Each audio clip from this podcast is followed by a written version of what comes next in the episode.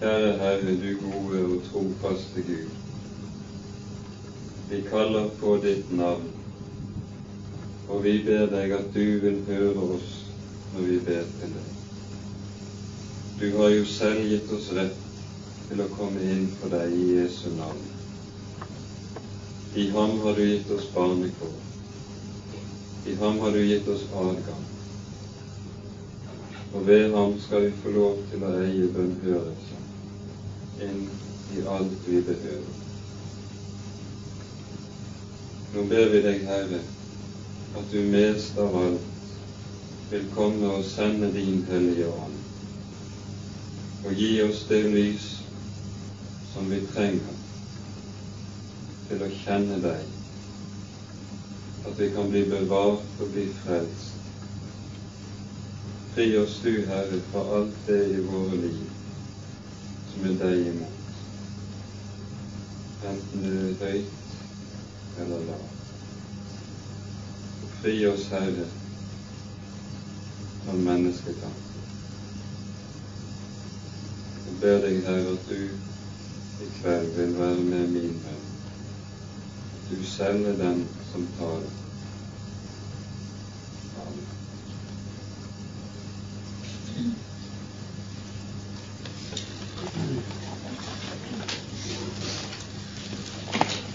Siste bibeltimen vi i høst hadde fra første Korinterbrev, var åpningen i det ellevte kapittelet, hvor det er tale om forholdet mellom mann og kvinne i menigheten og deres stilling.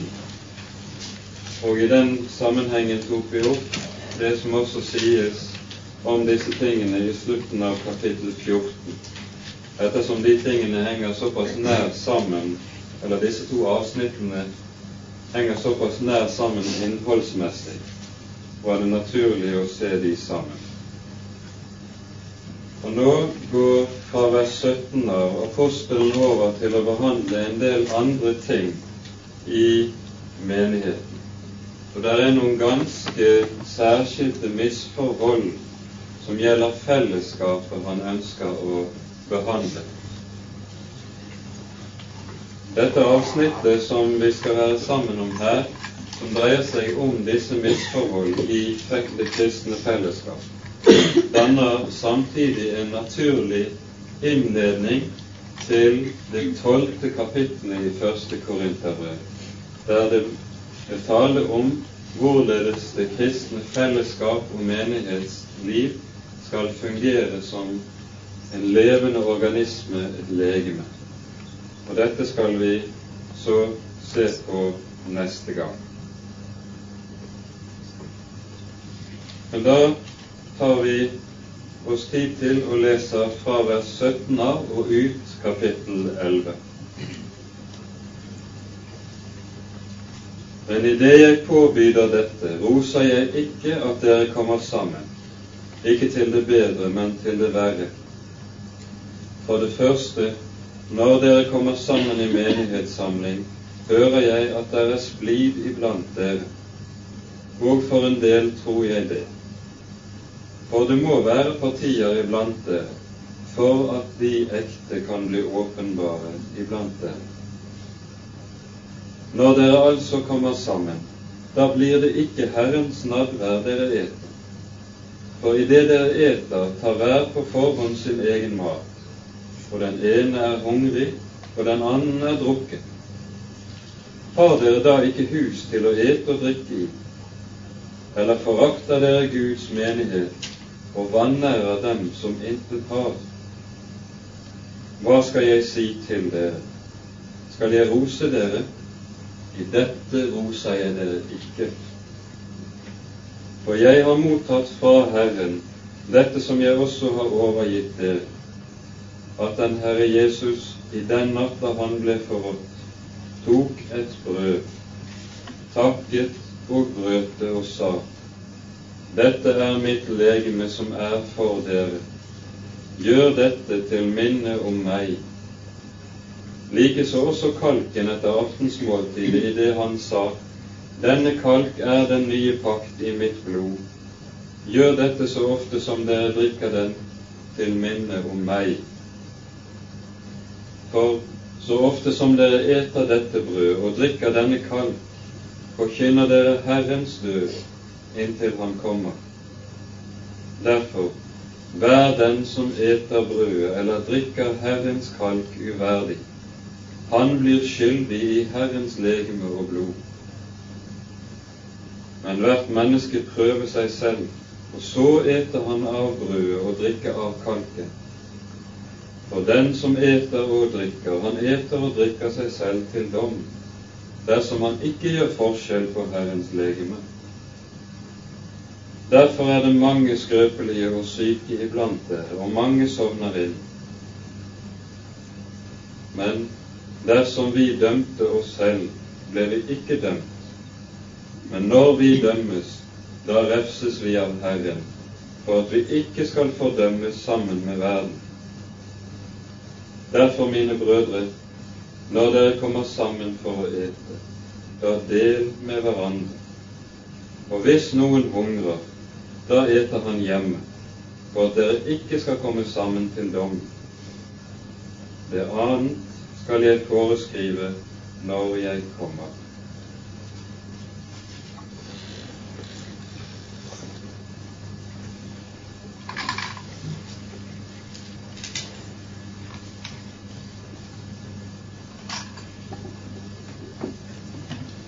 I det foregående avsnitt i kapittel 11 har vi lest om hvorledes menigheten i Korint sto i fare for å la seg prege av verden når det gjaldt tenkningen om forholdet mellom mann og kvinne, slik at de nivellerte og utjevnet den forskjell mellom mann og kvinne som Gud selv hadde skapt, som er gitt som en god Guds gave. Og så ser vi her i dette avsnittet hvordan de paradoksalt nok i stedet oppretter en annen slags forskjell og et annet slags skille mellom mennesker, mellom fattig og rik. Den forskjell Gud har skapt, vil de ikke vite av, men den forskjell som mennesker elsker å stelle i stand. Den holder de fast ved, til stor skade i menighetslivet. Og Derfor begynner også dette avsnittet alvorlig. Dere kommer sammen, ikke til det bedre, men til det verre. Når uttrykket 'komme sammen', og slik som det står i det 18. verset, 'komme sammen i menighetssamling' brukes, så taler Paulus i bestemt form om med menighetens felles sammenkomster til gudstjenester. Og Da er det særlig søndagsgudstjenesten det taler om, og det handler om. Og her leser vi altså at det å komme sammen slik, på premisser som ikke er gitt av Gud, det kan føre til skade i stedet for til velsignelse. Derfor, og det er nok noe som vi også ser og leser rikelig om i Det gamle testamentet, det å komme i Guds hus, nedtrede Guds forgårder, som det står i Messias første kapittel, det er ikke et gode i seg selv det spørs nemlig hvilke premisser man kommer sammen på. Kommer man sammen på premisser som er gitt ikke fra Gud, men her nedenifra, så vil den samling og gudstjeneste som Gud har gitt til velsignelse og oppbyggelse, i stedet komme til å bli til det verre, det vil bli til skade, og kanskje så galt at det også vil kunne bli til forbannelse. Dere kommer sammen, ikke til det bedre, men til det verre. Og dette er det alvoret som Paulus legger inn over menigheten i Korint. De står ikke i en særstilling i forhold til Guds folk i tidligere tider. Hos Esaias i det første kapittelet leser vi om hvorledes menigheten, Guds menighet den gang, nok kom sammen slik Gud hadde påbudt på sønn på helligdagen, men gjorde det på måter som bydde Gud imot, slik at Herren må si, dere enn ber meget, hører jeg ikke. Og denne fare og denne dom står menigheten i Korint i fare for å komme inn under. Så forklarer apostelen i de følgende vers hva han mener og hva han konkret tenker på når han sier disse alvorlige ordene. For det første når dere kommer sammen i menighetssamling, hører jeg at deres er iblant dere, og for en del tror jeg det. For det må være partier iblant dere for at de ekte kan bli åpenbaret iblant dere. Vers 18 og 19. I brevet tidligere har vi lest om partier. Allerede i første kapittel tar Paulus opp de partiene som gjorde seg gjeldende i menigheten i Korint. Det var noen som sa 'vi holder oss til Paulus', andre til Apollos og en tredje gruppe til Kefas.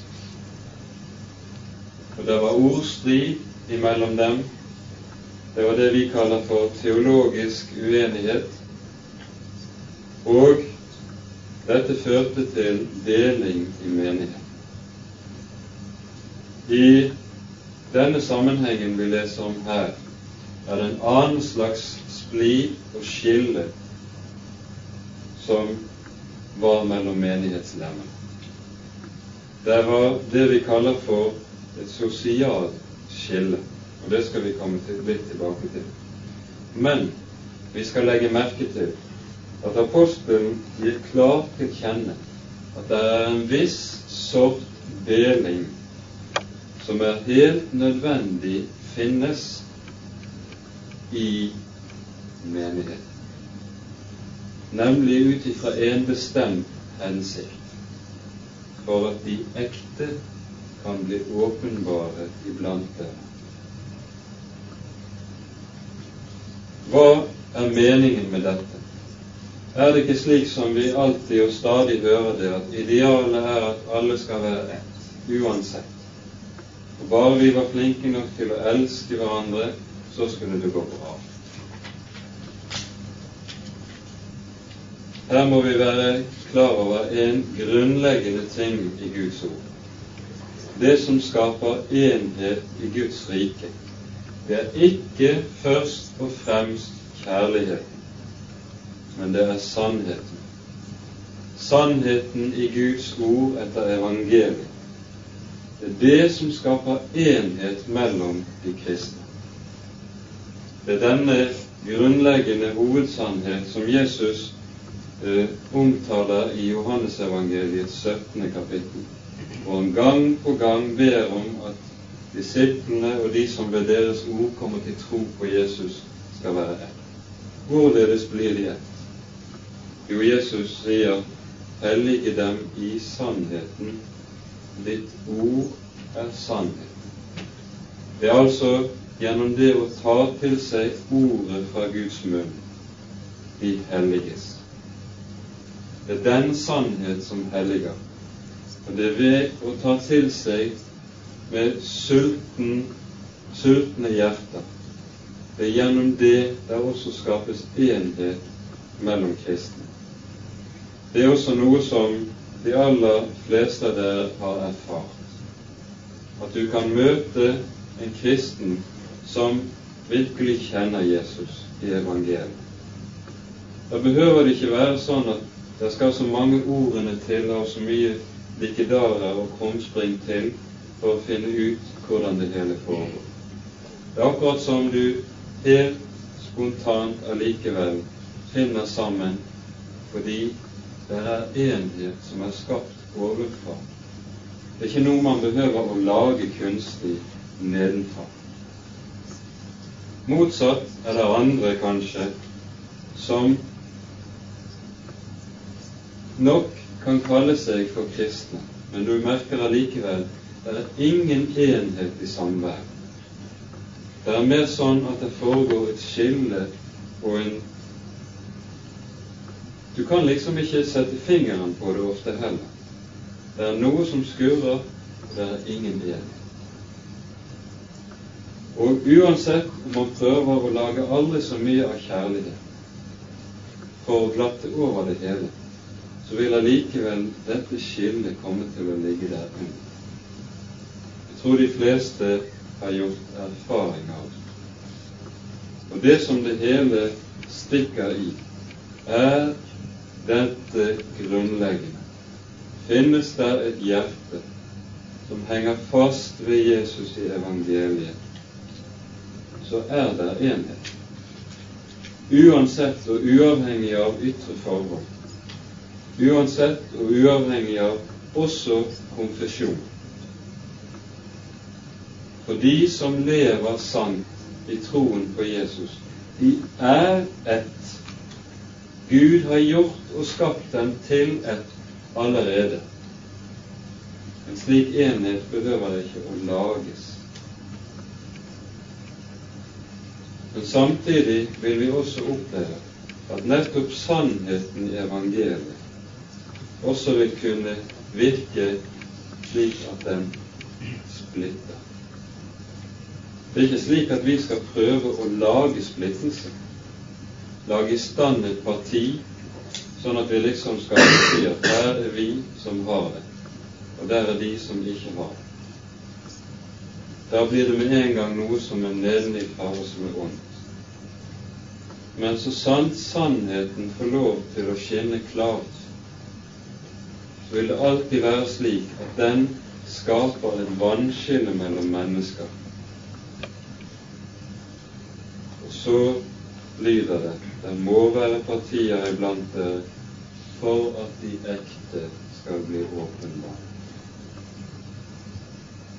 Noe av dette er helt nødvendig å holde fast ved, selv om det kan være pinefullt både å se det i øynene og erfare det i det daglige livet.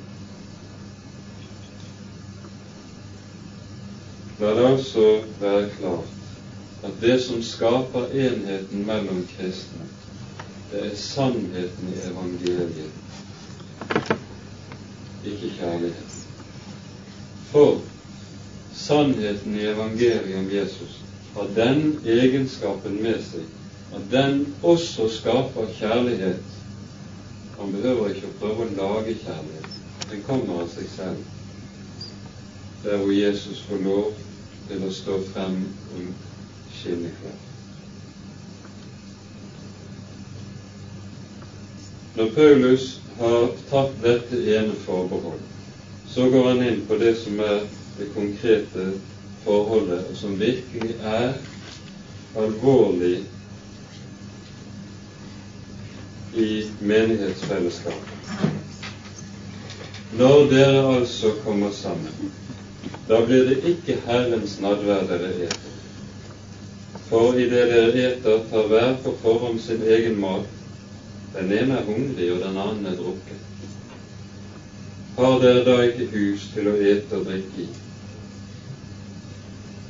Her får vi et lite glimt inn i hva som var den allmenne skikk blant de kristne, de første kristne.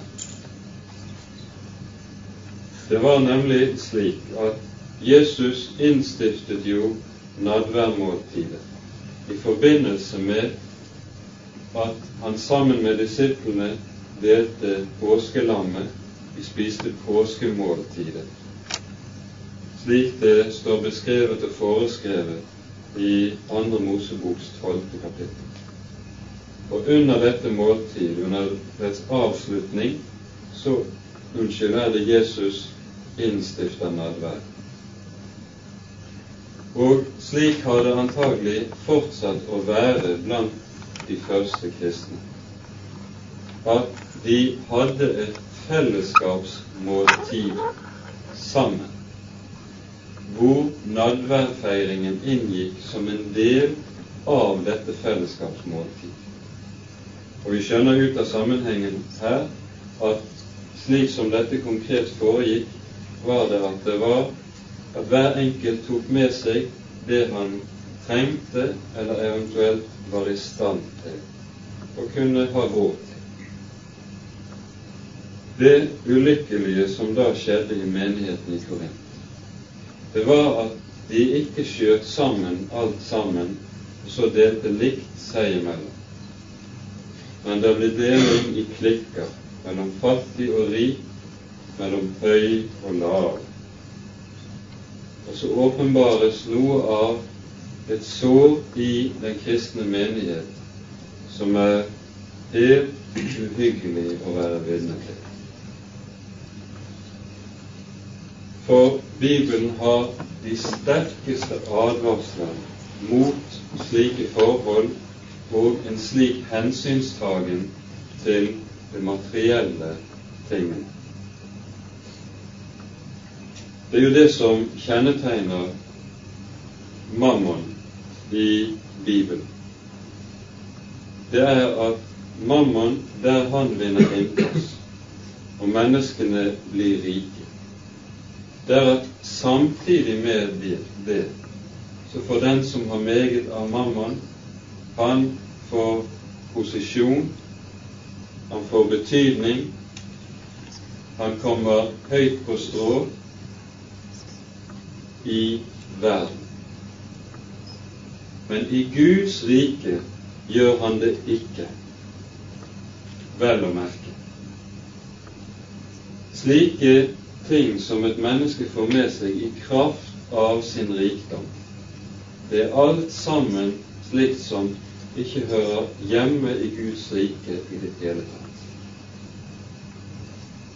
I Guds rike gjelder det en annen lov.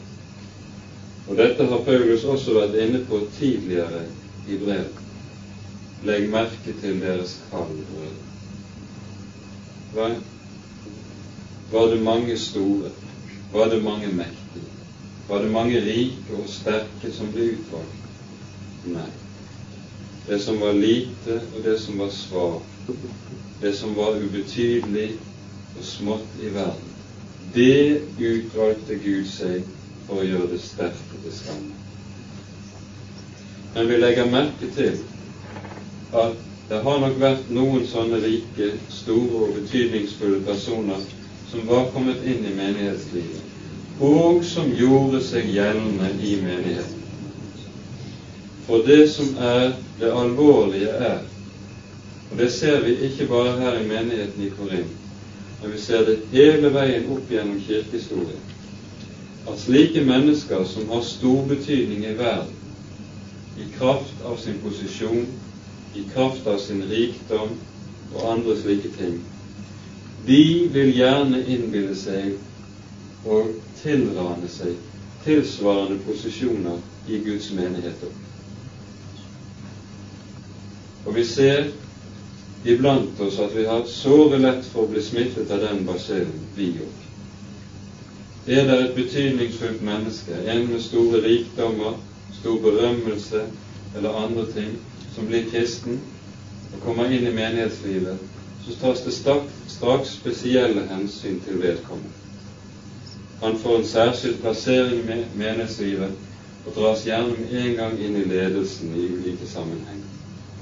For en som har en slik betydning, må jo kunne gjøre nytte for seg i Guds. Men det omvendte tilfellet. Det ser ut til i Guds rike at et menneskes betydning for Guds rike er omvendt proporsjonal med dets storhet. Det vil si at jo større og betydningsfullere, jo rikere og høyere og mektigere et menneske er som kommer til troen på Jesus, jo mindre innflytelse får det som regel som kristen.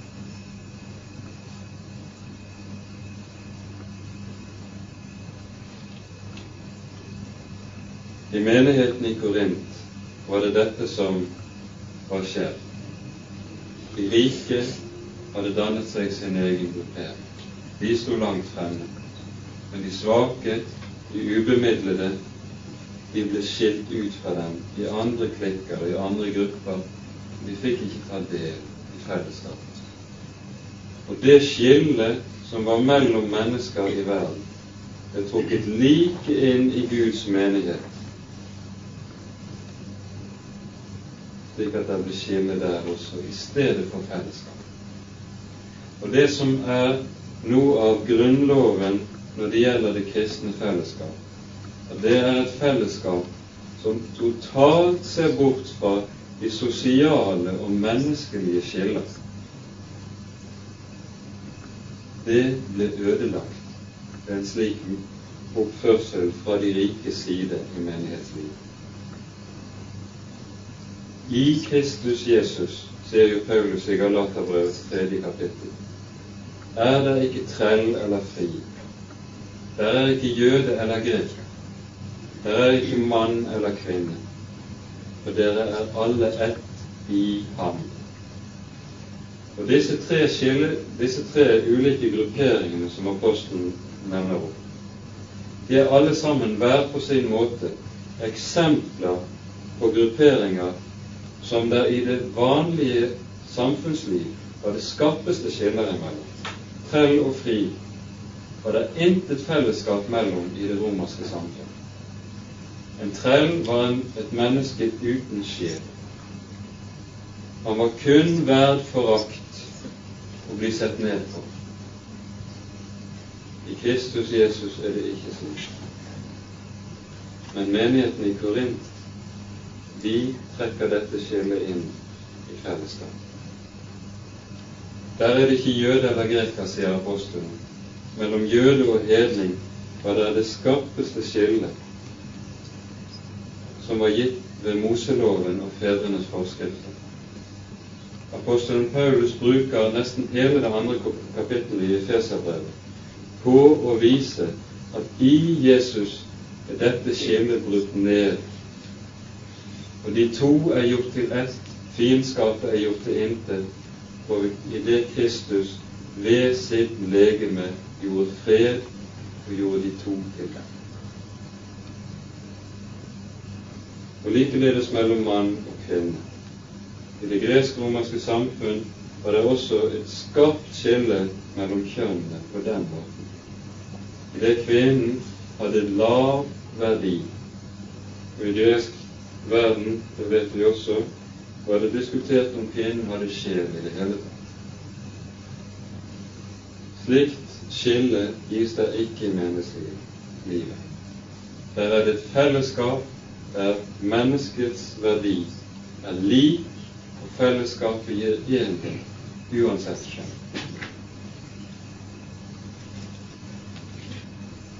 Alt dette er det altså menigheten i Korint forsynder seg imot. Og så sier apostelen disse alvorlige ordene i vers 22. Først sier han, har dere da ikke hus til å ete og drikke i? Eller, sier han, forakter dere Guds menighet og vanærer dem som ingenting har. Å forakte Guds menighet er det de gjør.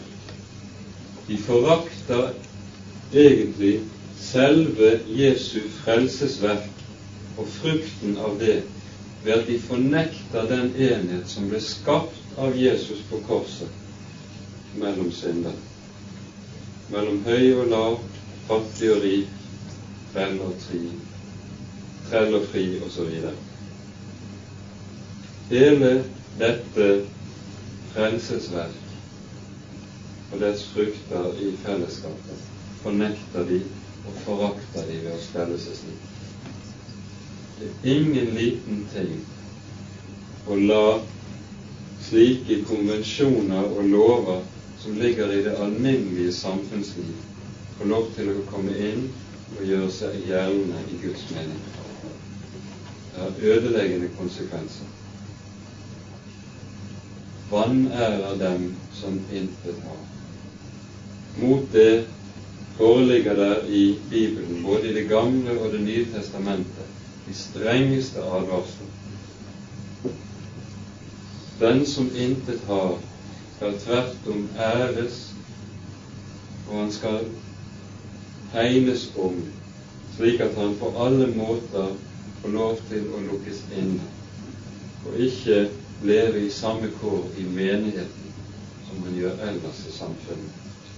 Jeg kan bare nevne noen vers fra Jakobs brev i det andre kapittelet. Vi ser her at i og med avsnittet som står her i Jakobs brev, var dette slett ikke noe uvanlig fenomen i den første kristne menigheten, og har heller ikke vært det senere i Kirkens historie. Jakob 2 leser vi slik.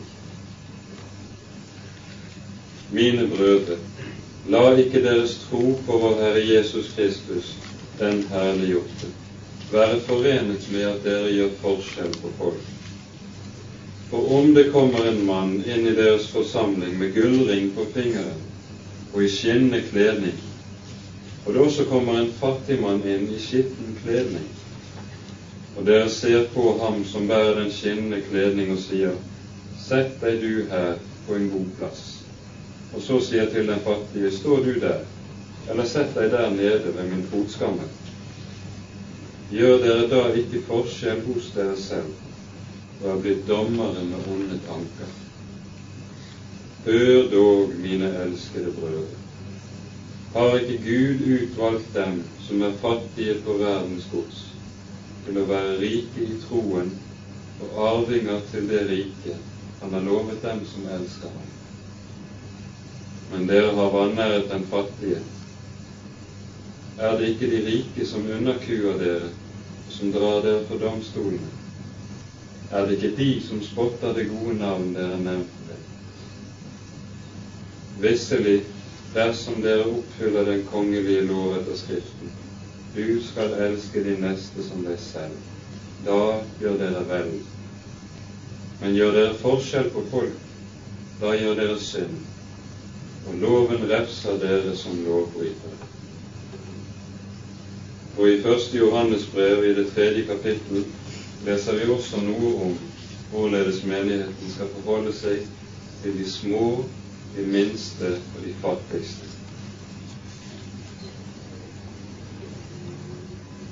Det leser vi i vers 16 og 17 i det tredje kapittelet.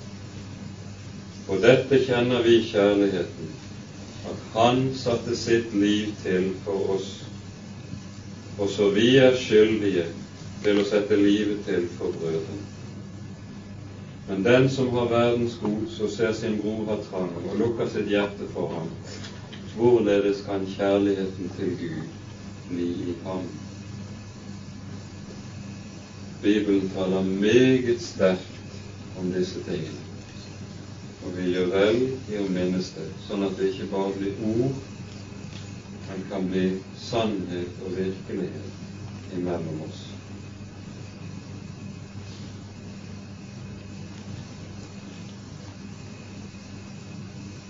Hva skal jeg si til dere? Skal jeg rose dere? I dette roser jeg dere. Paulus er nesten rådvill med å finne hva han skal si om den slags atferd som han finner blant korinterne. Så går han inn på det som var selve fellesskapets hovedytringsform i menighetslivet, nemlig nadværsamfunnet. At dette er selve hovedytringsformen for fellesskapet i en kristen menighet, det ser vi ikke minst av det som står i det tiende kapittel her i Korinterbrevet, der vi leser slik i vers 16 og 17. Velsignelsens kalk som vi velsigner, er den ikke samfunn med Kristi blod? Brødet som vi bryter, er det ikke samfunn med Kristi legeme? Fordi det er ett brød, er vi ett legeme, enda vi er mange. For vi har alle del, del i det ene brødet. Det er ett brød, livets brød. Jesus, hans kjød som er gitt oss å ete, og hans blod som er gitt oss å drikke i nærværet. Fordi det er ett legeme, ett brød, er vi ett. Så sant vi lever med Jesus. Denne enhet er noe vi skal merke oss, og det gjelder på ny samme sannhet som vi var inne på i sted. Enheten og fellesskapet mellom kristne er noe som skapes i kraft av samfunnet med Herren selv. Er det et sant samfunn med Herren Jesus selv, så blir det også helt naturlig samfunn mellom de kristne. De to tingene hører sammen. Vi leser om samme sannhet i Kolosserbrevets andre kapittel. Vi skal merke oss de versene, for de er grunnleggende når det gjelder det kristne fellesskapet.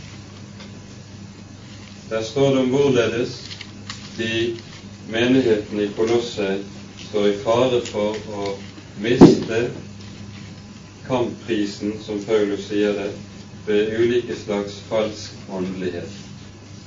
Og så sier han om hva som egentlig kjennetegner dette.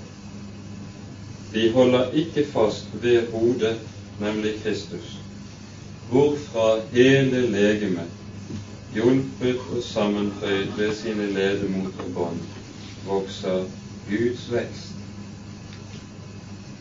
Altså, ved at en kristen holder fast ved hodet, som er Jesus, så bindes han og vokser han sammen med andre Guds barn.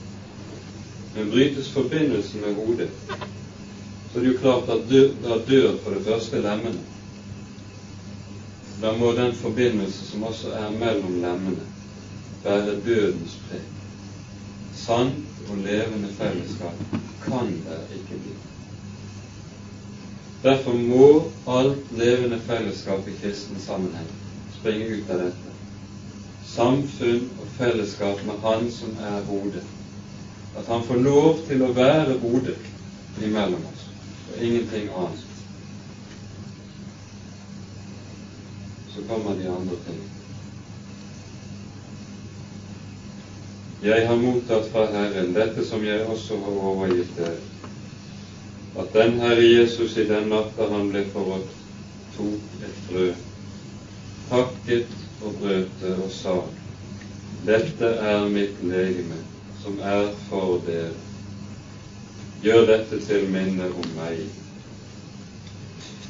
Her har vi det første skriftlige referat av nadværens innstiftelse alle de tre evangeliene hvor det står om innstiftelsen av nadværen, de ble skrevet senere enn dette Paulus brev til Korinther.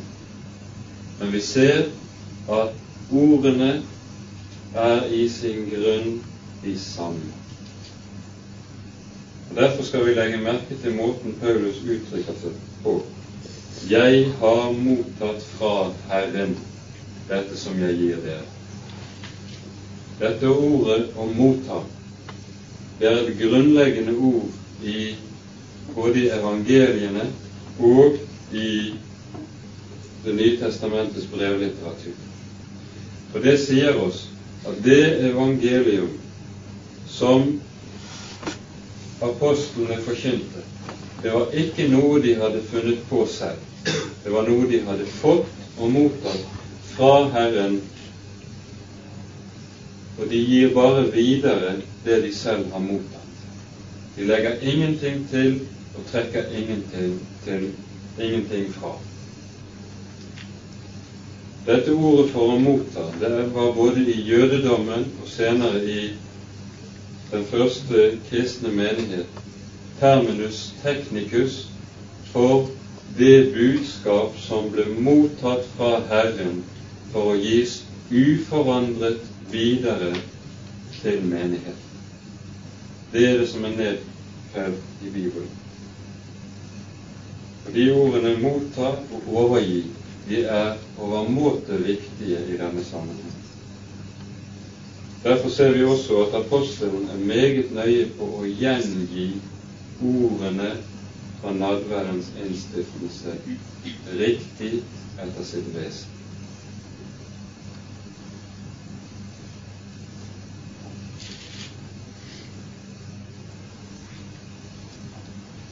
I vers 25 leser vi videre slik. Likeså også kalken etter aftensmåltidet, i det han sa:" Denne kalk er den nye pakt i mitt blod. Gjør dette så ofte som dere drikker det, til minne om meg.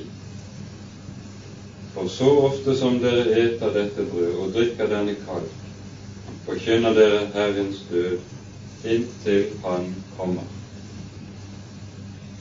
Det vi leser i dette avsnittet om nadværens innstiftelse, skal vi merke oss. For det er ikke tilfeldig at Paulus nettopp griper fatt i nadverdens innstiftelsesord for å belyse hva som er det kristne fellesskaps vesen. For hva er det de kristne får lov til å ta imot ete og drikke i nadvær? Jo, det er sant og virkelig Jesu legeme og blod. Vi skal merke oss at Det nye testamentet bruker ingen uttrykk som kan si oss at det de eter og drikker, det er bare symboler på Jesu legeme og blod. Nei, Det nye testamentet uttrykker seg helt klinkende klart og konkret. I og med brødet eter vi Jesu legeme, og i og med kalken drikker vi Jesu blod. Like virkelig som Israels menighet etter utgangen av Egypt satt og åt påskelam, som var det som ga dem friheten fra fangenskapet i Egypt. Like virkelig eter vi den nye pakts påskelam, Jesus i nadværen. Og fordi vi eter Jesu legeme og drikker Jesu blod, og altså direkte ved å ete i tro på ham, mottar ham selv og får samfunn med ham selv, Derfor gis det også via dette fellesskap de kristne imellom. Det skapes livsforbindelse mellom Guds barn gjennom å bruke nådens midler. Og her ganske spesielt nadvær.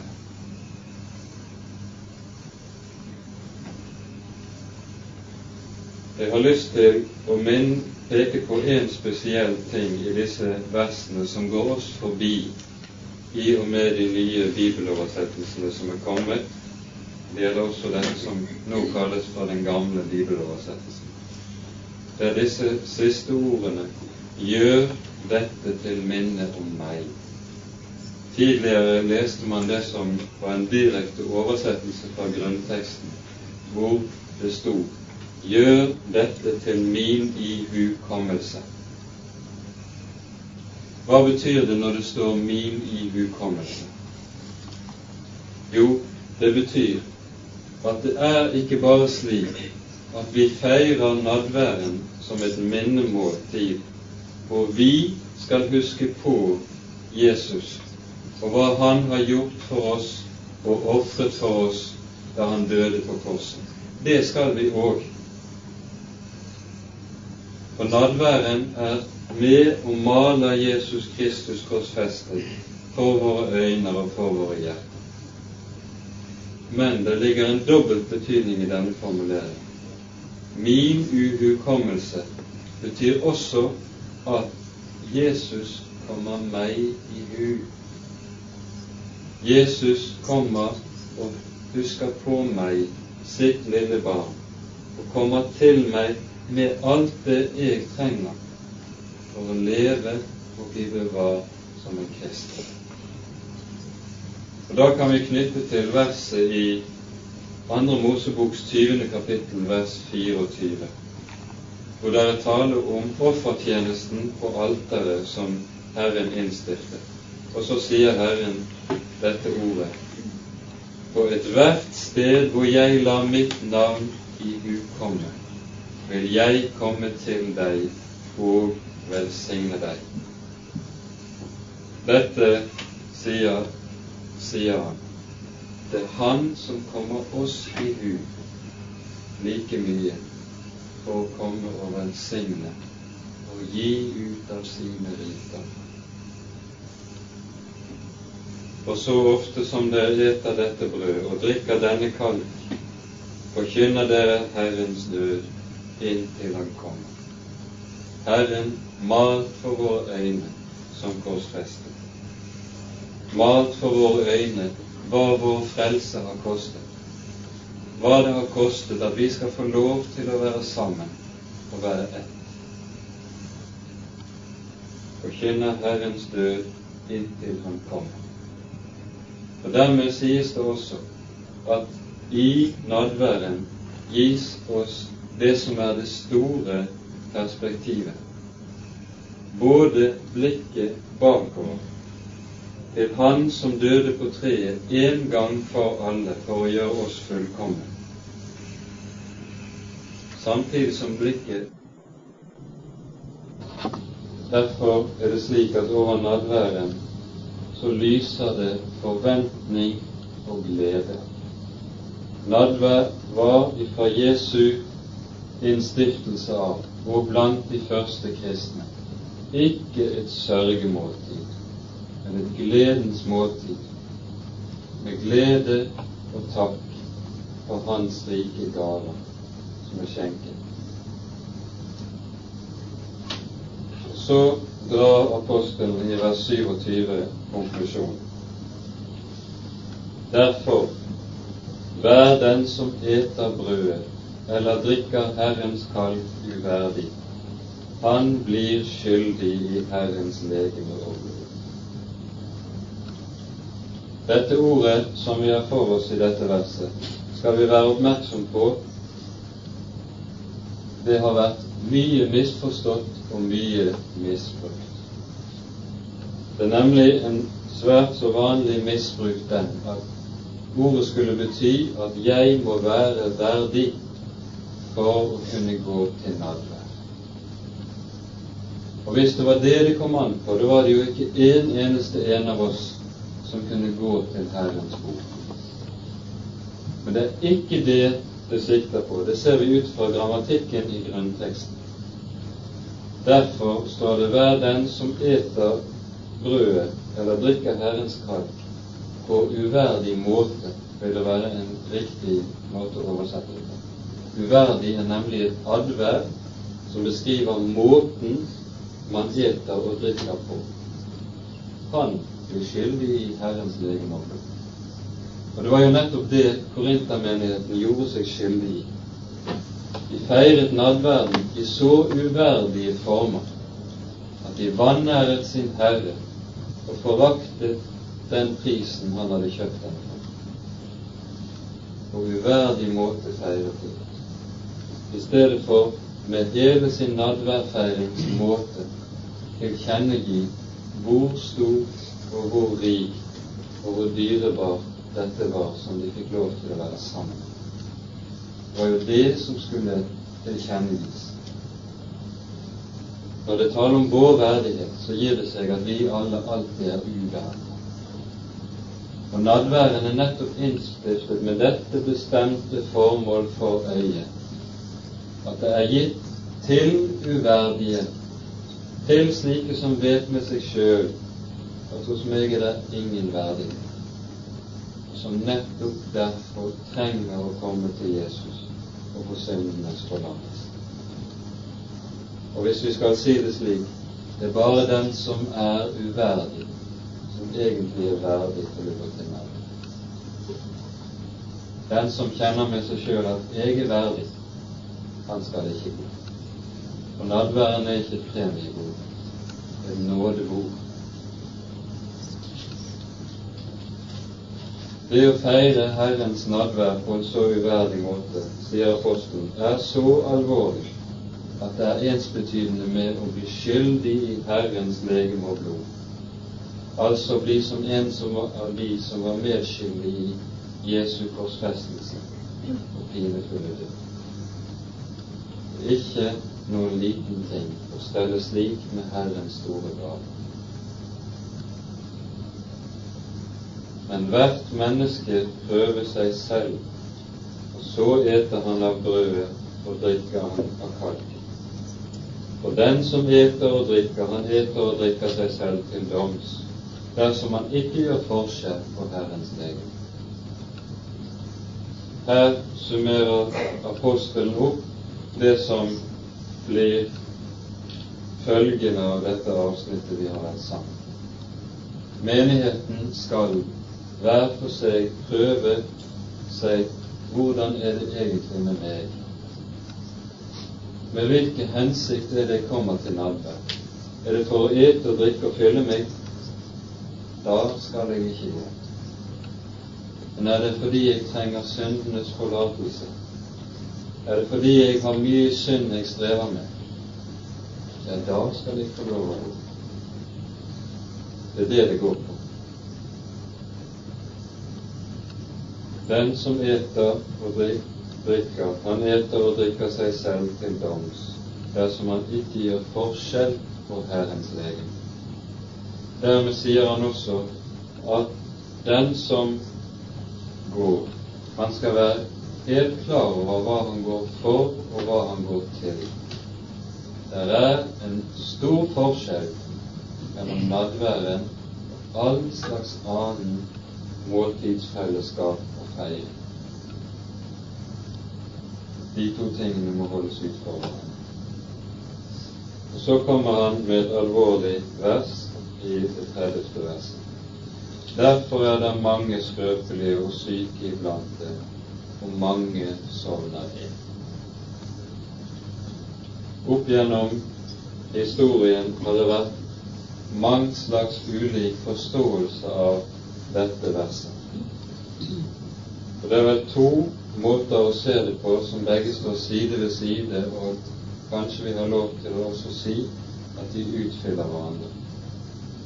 Det ene er at her er det tale om åndelige sykdommer og skrøpeligheter, åndelig søvn og død. Og det er klart, og det er gitt, at det å behandle Guds gaver slik som menigheten i Korint gjorde, det må med nødvendighet følge med seg åndelig mang mangelsykdommer og usunnhet. Ja, åndelig søvn og død òg. Det ligger i sakens natur, det. Og det lærer oss, lærer apostelen oss en rekke steder ellers. Tenk bare på Romerbrevets første kapittel. For det står om dem som fordi de ikke æret Gud som de skulle gjøre, etter den kunnskap de hadde om ham, ble overgitt av ham til vankunnig. Altså det å ikke ta vare på det lys og den gave man har fått av Herren, men å sløse det bort og skusle det vekk i støv og skitt, det fører med seg åndelig mørke og usunnhet, som er en Guds dom slik ser vi også de med Israel i Det gamle testamentet. Men Det nye testamentet lærer oss også alvorlig at det også kan være slik at dette kan få sånne følger at det rammer inn i det rent konkrete og fysiske liv. At det blir tale om regelrett fysisk sykdom som følge av og som en Guds dom over slik misbruk og forakt for Herrens store gave. I første Korinterbrevs femte kapittel leser vi om et slikt menneske. Det har vi vært igjennom tidligere. Som av Herren ble overgitt til kjødets ødeleggelse. For at han skulle omvende seg. Merk, det var Guds hensikt. Derfor var sykdommen og dommen å regne for tukt mer enn det var å regne for straff og dom i ordets egentlige mening. Det var gjennom det som ble lagt på et menneske, vekke opp den det gjaldt, for sakens egentlige alvor, slik at han skulle komme til omvendelse og bli frelst. Det samme leser vi også om i åpenbaringens andre kapittel, 22, til menigheten i Tyatira, hvor det var en kvinne som het Jesabel, som var en falsk profet, og som forførte mange. Av Herren ble hun kastet på sykeseng for at hun skulle omvende seg. Og slike Guds dommer kan vi lese om i andre sammenhenger òg. Men Paulus sikter til det ene eller det andre eller begge deler, det er vel ikke godt for oss å avgjøre. Men det vi kan ta til oss, er alvoret som ligger i en slik måte å stelle seg. Og så sier han som avslutning på dette avsnittet Dersom vi dømte oss selv, ble vi ikke dømt. Ordet som står her, betyr egentlig prøve eller bedømme eller ransake. Men dersom vi dømmes, da refses vi av Herren for at vi ikke skal fordømmes sammen med verden. Her taler apostelen om den selvprøving som hører med til det kristne liv, og som er noe av den livsnødvendighet som hører med til å bli bevart som et Guds barn. Vi vet jo fra Guds ord at Bibelen har to grunnleggende sannheter som den stadig og alltid holder frem for oss og vil minne oss om. Det ene er loven, og det andre er evangeliet. Loven, den avslører, dømmer og ransaker oss. Den lærer oss hva som er Guds hellige vilje med livet vårt, og den avslører i hvor uhyggelig liten grad vi både har gjort og vært i stand til å utføre noe som helst av. Derfor sier også apostelen i Romerbrevets tredje kapittel at vi vet at alt det loven sier, det sier den til dem som har loven, for at hver munn skal lukkes og hele verden blir skyldig for Gud. Og en kristen, han er en som aldri er ferdig med loven i denne mening. Han vil alltid komme til å anvende Guds lov på sitt eget hjerte. Bedømme og ransake seg selv.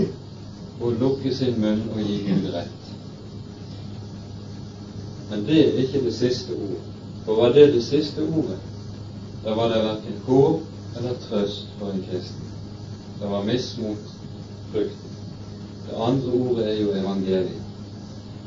Ordet om hva Jesus har gjort for nettopp slike som faller igjennom i forhold til Guds lov, slike som er fortapt på grunn av sin egen syndighet, og som kun har ett eneste håp, nemlig at Jesus kom for å frelse sannheten. Denne dobbelthet, disse to ting, disse to grunnsannheter, det er like nødvendig for en kristen å holde seg klart for øyet alt. Derfor sier også apostelen Paulus til Timotius når han formaner ham om de to ting som er grunnleggende for ham, både som Guds barn og som tjener i Guds rike.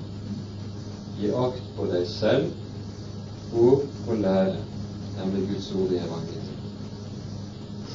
De to ting var nødvendig. Og slik ser vi også at det tales i Salmenes bok i Det gamle testamentet. Vi kan lese fra Salme 94 f.eks.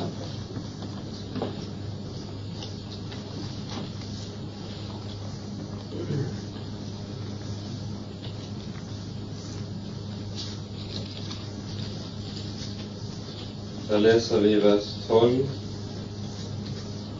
til 15.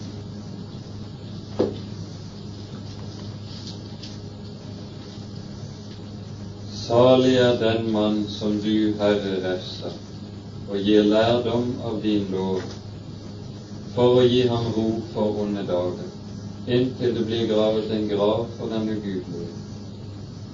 For Herren skal ikke forkaste sitt folk og ikke forlate sin arv. For dommen skal vende tilbake til rettferdighet. Og legg merke til dette.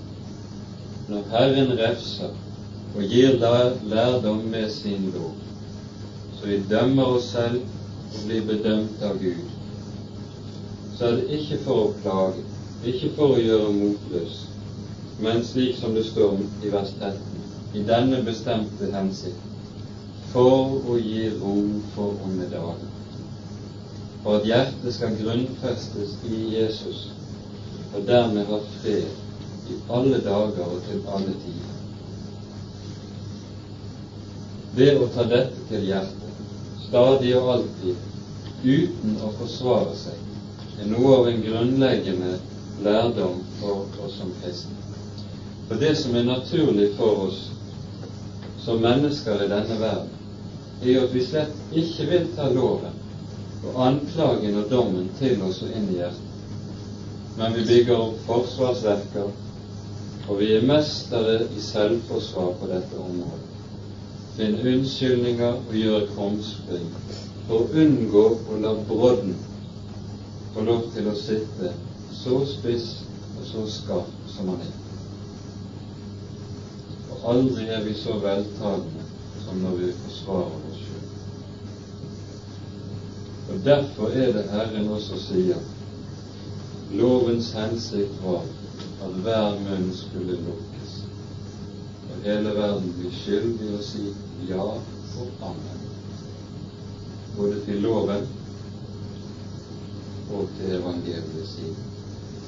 For bare den som har fått lov til å ta til seg fullt og helt dommen over seg selv, han er også fullt i stand til å se hva Jesu frelse innebærer for en synd. Når vi dømmes da refses vi av Herren for at vi ikke skal fordømmes sammen med verden.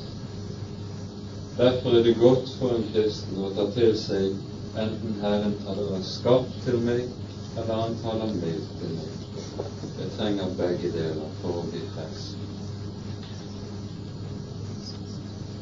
Og så til slutt en praktisk avslutning på dette avsnittet.